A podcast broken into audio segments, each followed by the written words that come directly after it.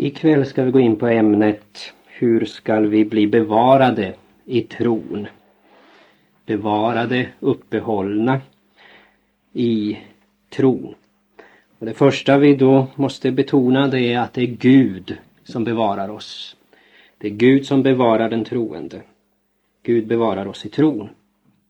Och det är egentligen inte så svårt att förstå, precis som det är Gud som har givit oss det naturliga livet.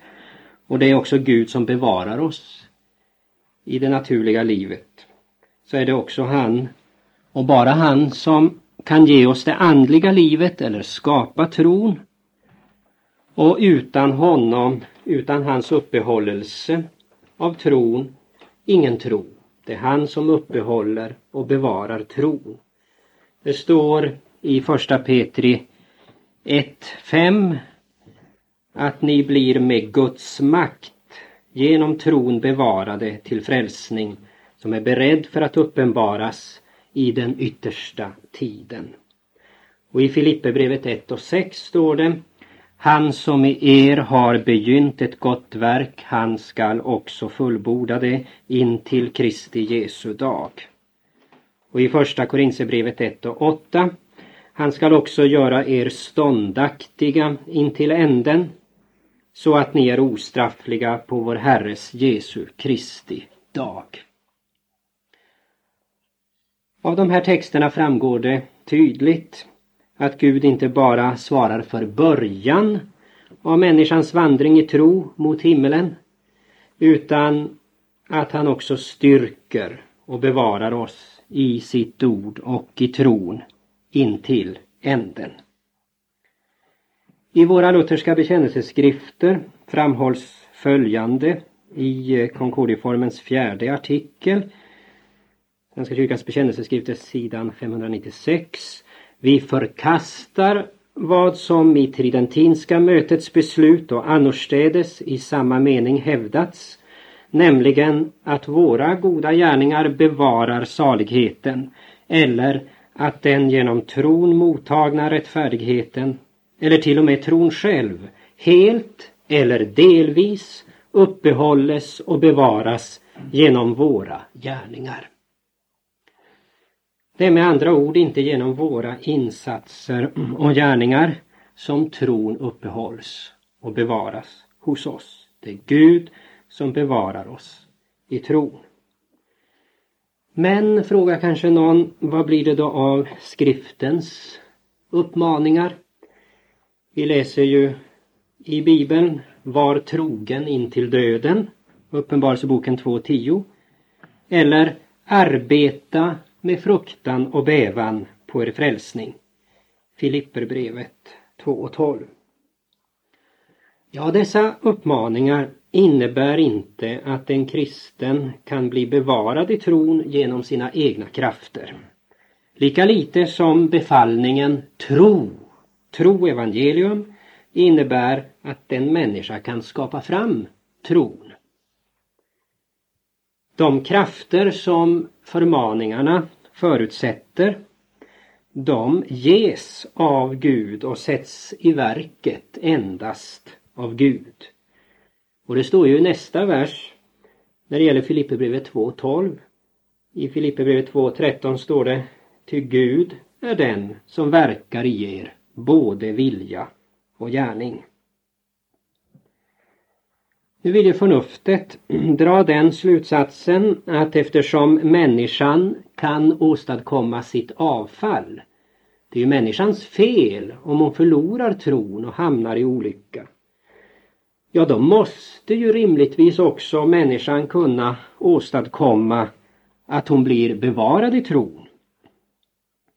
Denna förnuftets slutsats strider emot vad Bibeln lär. Dessutom är den inte ens logisk. Det faktum att människan kan göra en viss sak bevisar inte att hon också kan göra denna saks motsats. Gud bevarar oss. Men vi ska komma ihåg att Gud använder medel när han bevarar oss i tron. Gud bevarar tron genom nådens medel, genom nådemedlen. Och det borde vi också lätt kunna förstå. Precis som Gud bevarar det fysiska livet genom vissa medel som mat och dryck så bevarar han det andliga livet genom medel, nämligen genom nådens medel. Med samma medel som han har skapat tron hos oss bevarar han tron och uppehåller tron, nämligen med evangelium, i ordet och i sakramenten.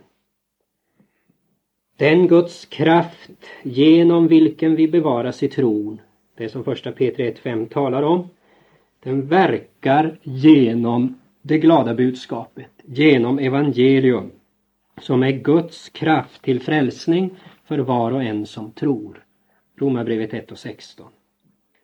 Det är Guds ord, heter det i första Thessalonikerbrevet 2.13, som också är verksamt i er som tror. Och i våra bekännelseskrifter läser vi Concordieformens andra artikel, bekännelseskrifterna sidan 562.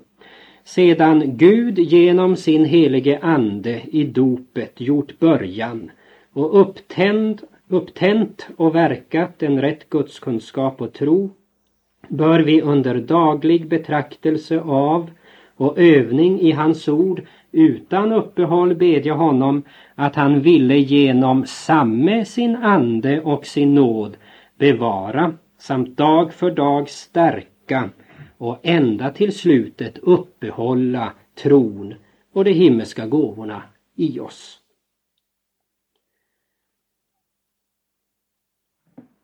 Människan måste bruka de medel genom vilka Gud bevarar oss i tron. Människan måste bruka nådemedlen. Det borde vi också lätt förstå. Precis som människan måste bruka de medel som Gud ger för kroppens underhåll och behov så måste vi likaså bruka de medel genom vilka Gud bevarar vår tro. Saliga är de som hör Guds ord och bevarar det. Lukas 11.28 och aposteln skriver Låt Kristi ord rikligen bo ibland er. Kolosserbrevet 3 och 16. Och första salmen i Saltaren säger i de båda första verserna Salig är den man som har sin lust i Herrens lära och tänker på hans lära både dag och natt.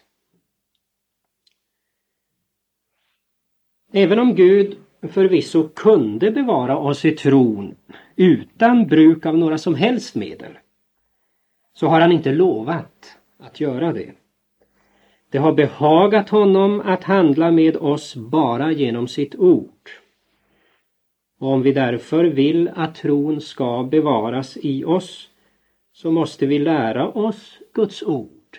Vi behöver bibelkunskap, undervisning i ordet och vi behöver begrunda Guds ord, ransaka skrifterna som det heter och bevara ordet i våra hjärtan.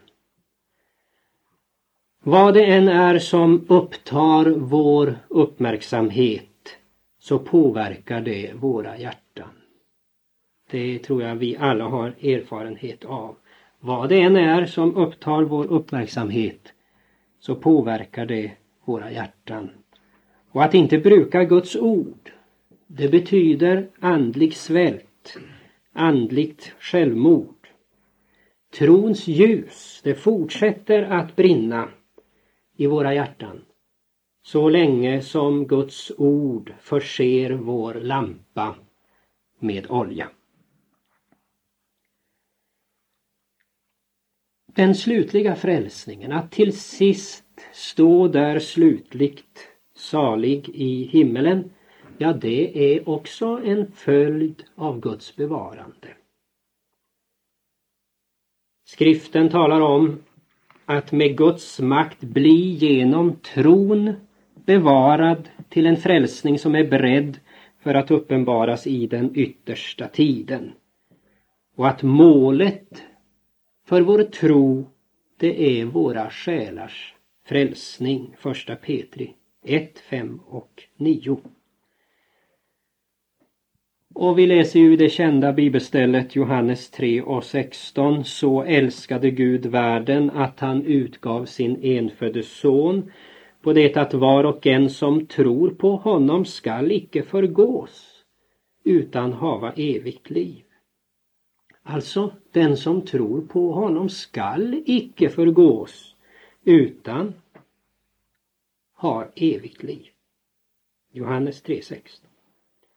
Och det är förtröstan på detta Guds löfte som den troende är viss om sin slutliga frälsning. Är viss om att Gud skall bevara honom till slutlig frälsning. Och följaktligen bekänner vi med Martin Luther i förklaringen till tredje trosartikeln. Jag tror att han skall ge mig och alla som tror på Kristus evigt liv. Det bekänner vi. Jag tror att han ska ge mig och alla som tror på Kristus evigt liv. Kanske. Nej. Jag är viss om att han ska bevara mig till evigt liv. Ja, men hur förhåller det sig då med Bibelns varningar för avfall från Gud? Avfall från tro. Skriften varnar ju för avfall. I till exempel Romarbrevet 11.20 eller första Korintierbrevet 10.12. Men dessa varningar för avfall vill inte ta ifrån oss trons visshet, trons tillförsikt. Dessa skriftens varningar för avfall riktar sig istället emot en fara som kan hota, nämligen kötslig säkerhet, förtröstan på oss själva.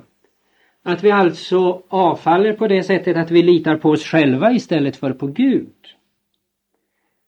Skriftens varningar för avfall är alltså inte emot trons visshet och tillförsikt. Tvärtom befrämjas trons tillförsikt genom dessa varningar. Ty under aktgivande av dessa skriftens varningar, ja då flyr ju en kristen till det enda som håller. Till evangeliets löfte. Och det är ju endast där som en kristen kan få någon visshet. Visshet om slutlig frälsning. Av varningar får vi hjälp att inse att det håller inte att lita på sig själv. Att självförtröstan är ihålig och falsk. Det enda som håller det är evangelium, evangeliets löfte. På samma sätt förhåller det sig med skriftens ord om att vi ska arbeta med fruktan och bävan på vår frälsning.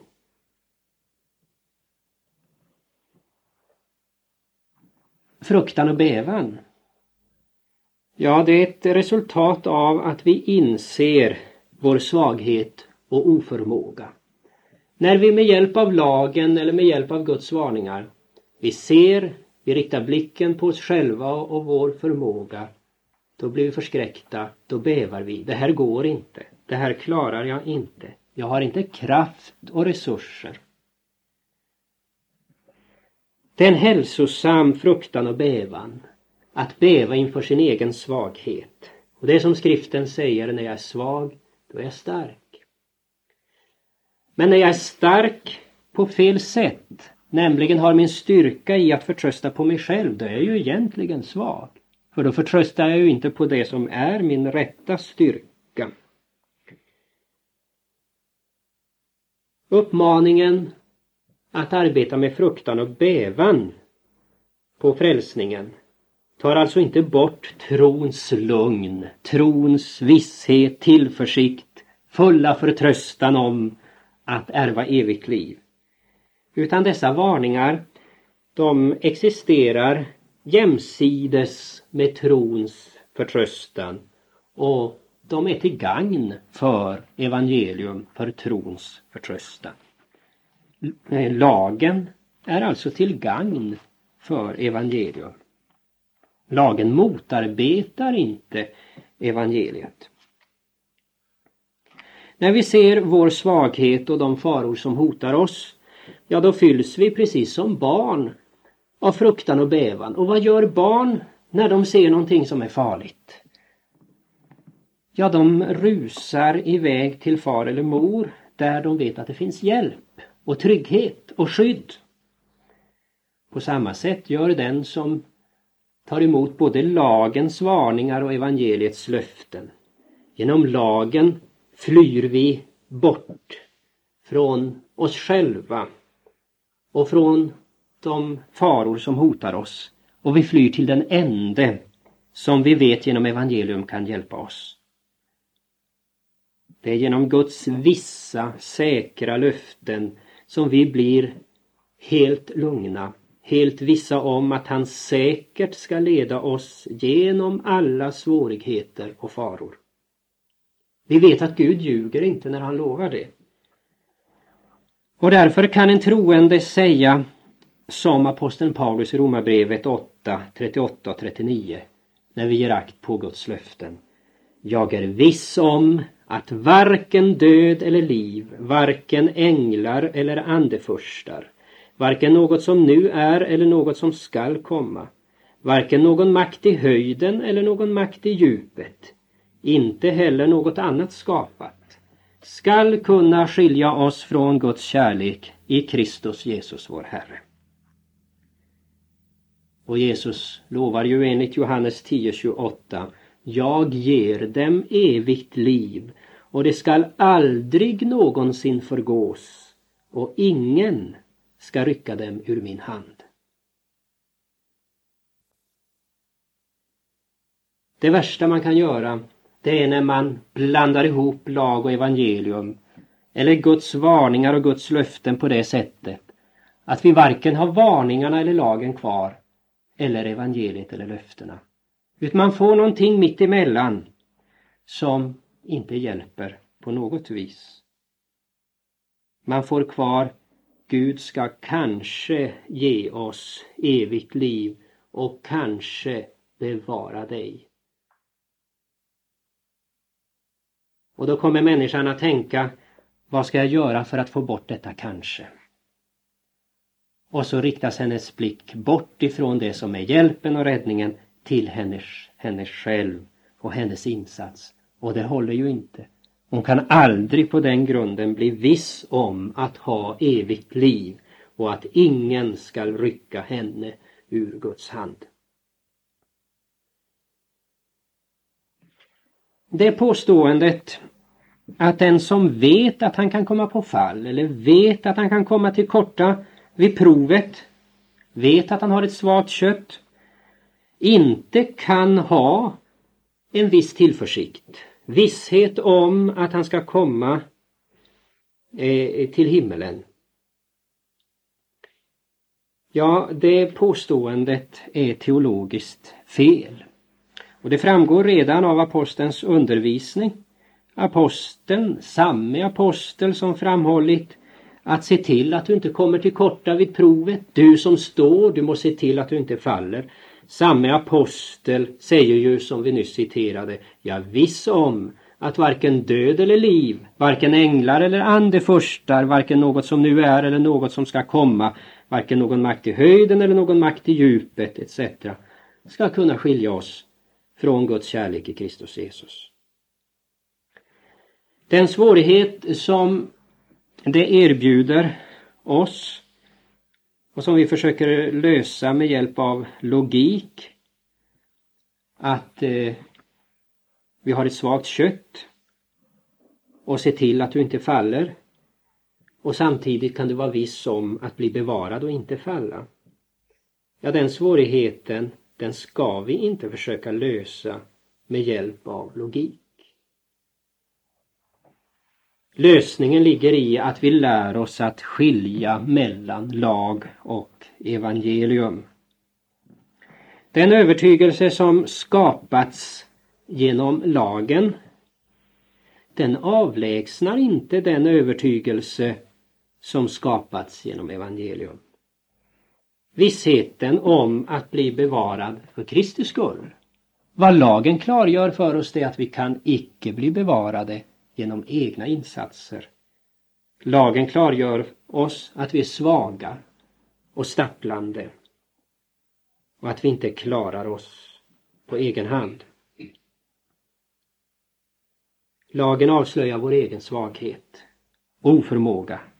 Men evangelium handlar ju inte om att vi oss själva istället har styrka och förmåga utan handlar ju om att Kristus är vår styrka och vår förmåga och att han skall bevara oss för sin egen skull. Och det håller att bygga på. Och så ska vi ytterligare stryka under att frälsningen den är uteslutande ett verk av den gudomliga nåden. Utan människors förtjänst eller medverkan har ju Gud återlöst oss. Han har utplånat vår syndaskuld. Han har gett oss liv och salighet. Ja, det har han vunnit för alla människor.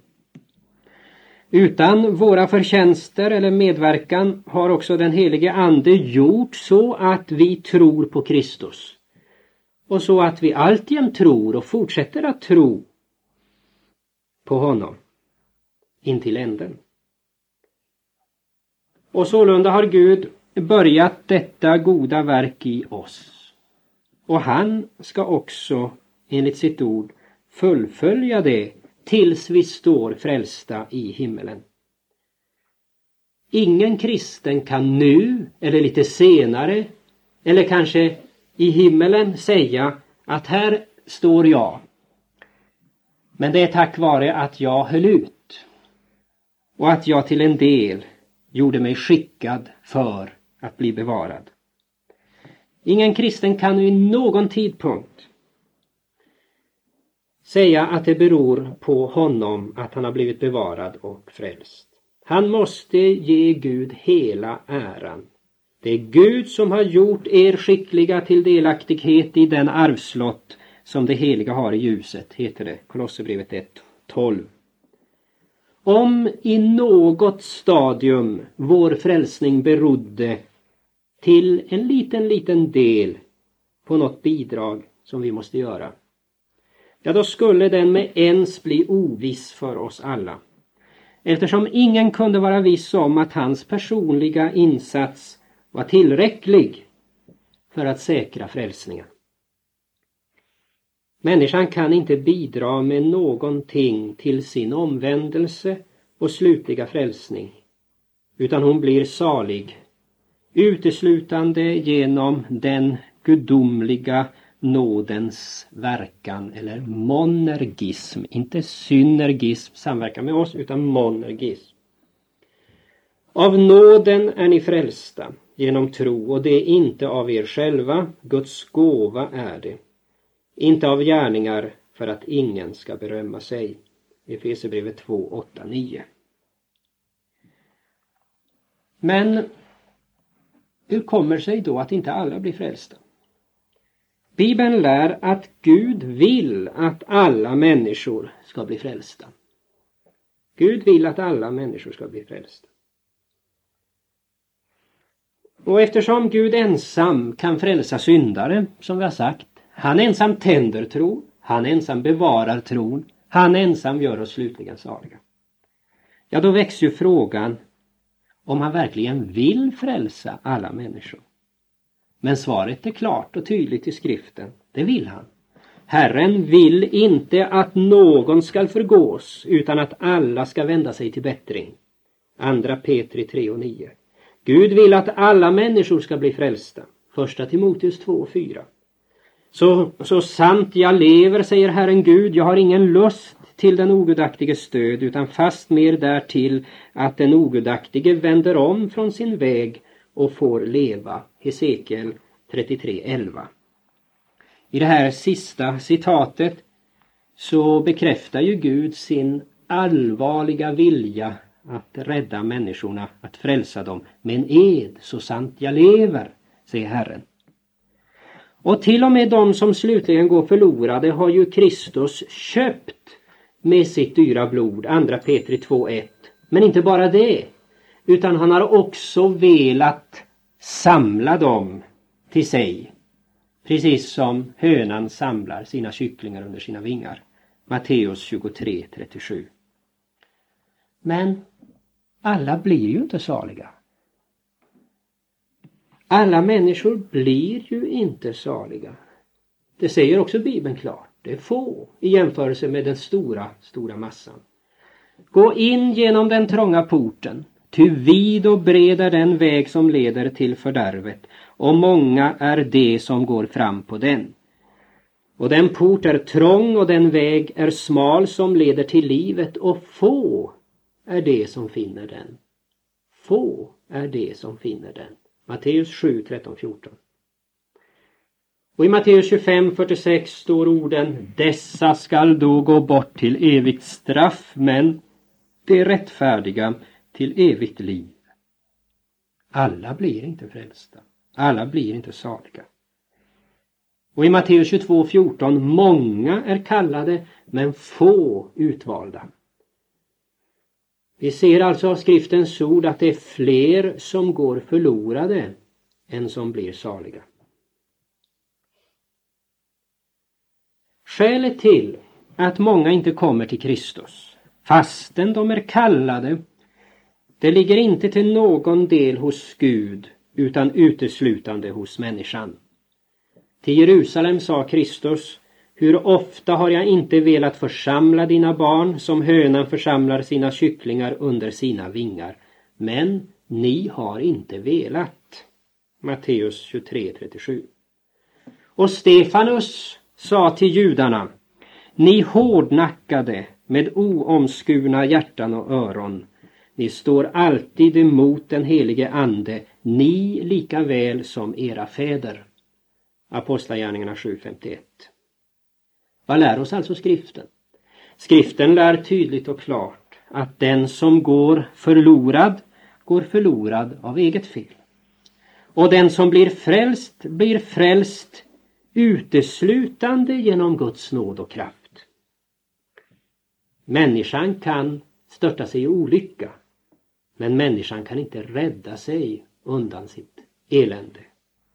Befria sig ifrån olycka. Inför dessa klara ord från skriften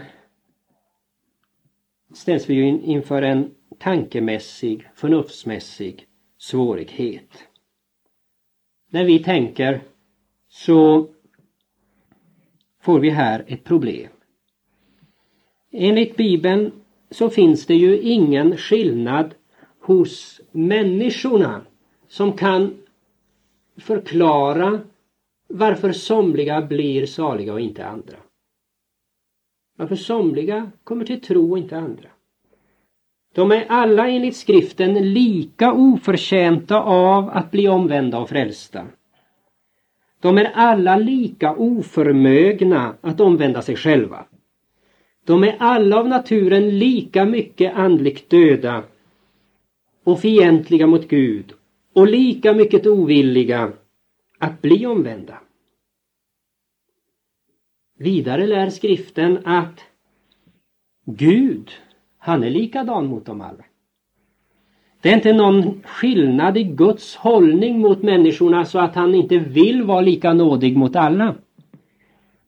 Nej, han vill lika allvarligt omvända och frälsa alla människor. Och det är ju endast han som kan göra det. Om en människa ska bli omvänd så måste Gud göra det. Och göra det helt gratis, av nåd alena. Av dessa båda sanningar tycks ju följa för vårt förnuft att eftersom samma mäktiga Guds nåd verkar på alla som hör evangelium, ja då borde ju samma effekt uppstå. Antingen så att alla blir omvända Eftersom Guds nåd är så stark och mäktig att den bryter ner den fientliga människans motstånd. Eller då så att ingen blir omvänd. Eftersom Guds nåd då inte är tillräckligt stark för att bryta ner motståndet. Vi kan inte fatta hur det kan komma sig att en person blir omvänd men inte en annan. Ty om Guds nåd omvänder en person, ja, då ser vi inget skäl till varför den inte skulle göra detsamma med en annan. Och om Guds nåd endast omvänder den ene och sen inte kan omvända, inte omvänder den andre, ja då ser vi inget skäl till varför den endast kan omvända och har omvänt den förste. Det är ju samma kraft som verkar under samma förhållanden. Ja, då väntar vi oss samma resultat. Nu vill förnuftet då lösa det här med antingen att det är inte samma kraft som verkar. Gud vill inte lika mycket frälsa alla. Det är kalvinismens väg. Eller då försöker man att lösa det med att säga, nej människorna är inte likadana. Den del som förhåller sig bättre inför Guds kallande och omvändande nåd än andra. Som gör mindre motstånd. Det är synergismens falska väg.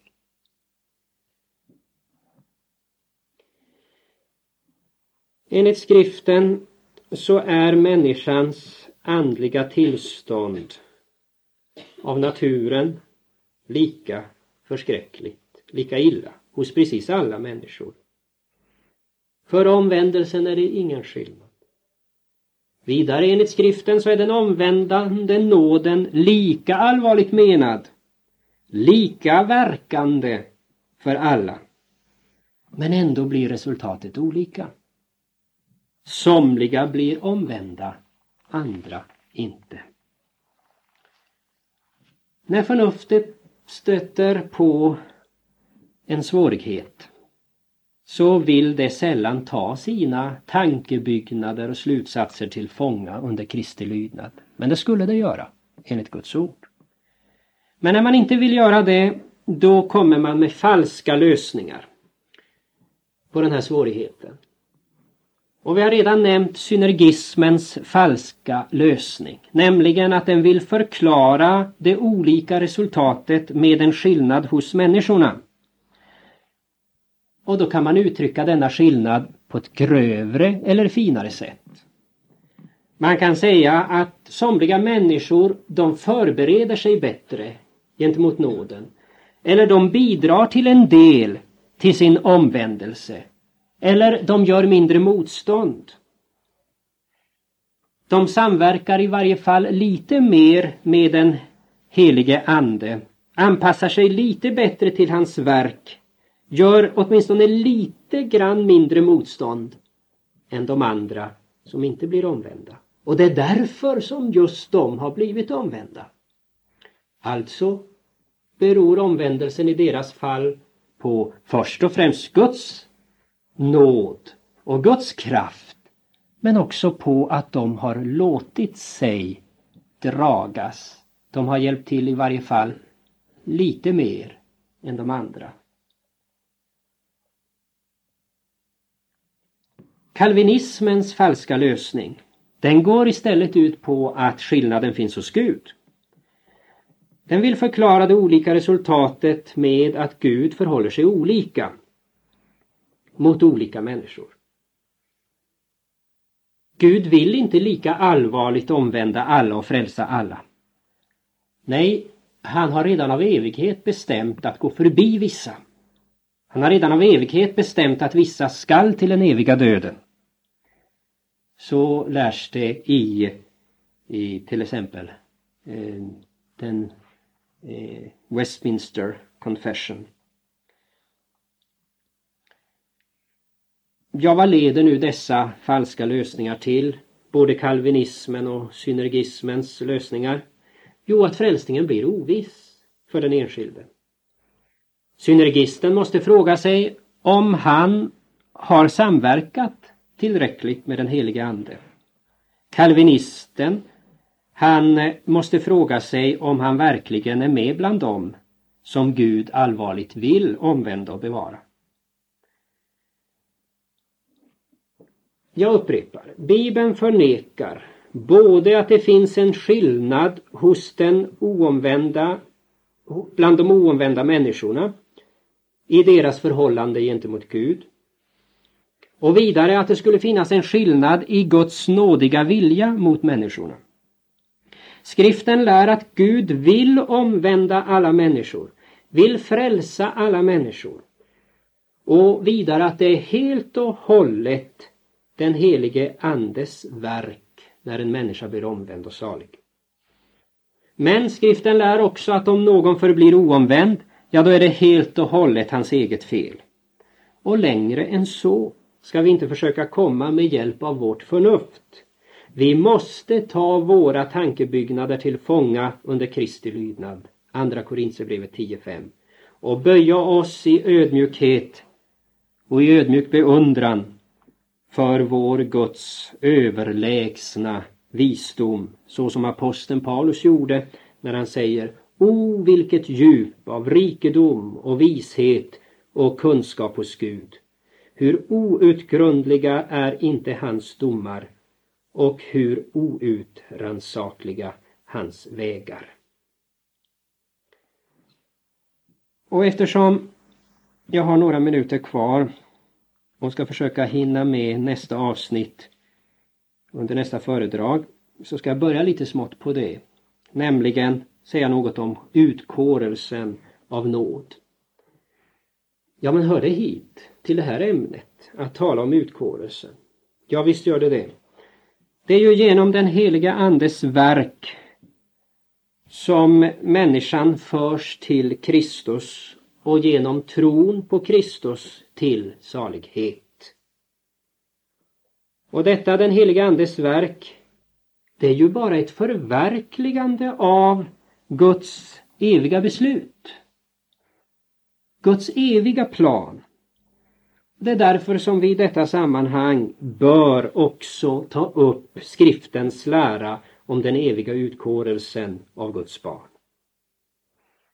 Vi läser i bekännelseskrifterna, Konkordieformen artikel 11. Guds eviga utkårelse eller predestination, det vill säga Guds förutbestämmelse till salighet. Den gäller icke samtidigt goda och onda utan endast Guds barn. Sidan 658. Men observera, och det är inte alla som gör det, att det finns ingen negativ motsvarighet till läran om en evig predestination till salighet. Nämligen att det också finns en predestination till fördömelse. Det är förnuftets falska slutsats och det är den klassiska kalvinismens lära att det också finns en predestination till fördömelse. Men det är falskt. Alla de som går till fördömelse, alla de som inte blir omvända har sig själva att skylla. Det beror inte på att Gud har velat gå förbi dem och har av evighet predestinerat dem till fördömelse. Låt oss säga följande som en allmän inledning till det här ämnet, utkårelsen av nåd. Vi vet att innan en person börjar bygga ett hus det är lätt för oss att förstå det här som nyligen har tänkt på att bygga hus och håller på att bygga ut biblikum. Innan en person börjar bygga ett hus så har han i sina tankar föresatsen att bygga och en plan som han tänker bygga efter. Och även om vi inte har någon förhandsinformation om hans föresats och hans plan så lär vi känna dem när byggnadsarbetena börjar och fortskrider. Ty mannen bygger efter vad han har tänkt ut och planerat. Och vi drar också den slutsatsen att han kommer att fortsätta bygget tills hans föresats har förverkligats. På samma sätt kan vi se på den helige Andes verk. Vi ser det hos andra och vi erfar det också hos oss själva.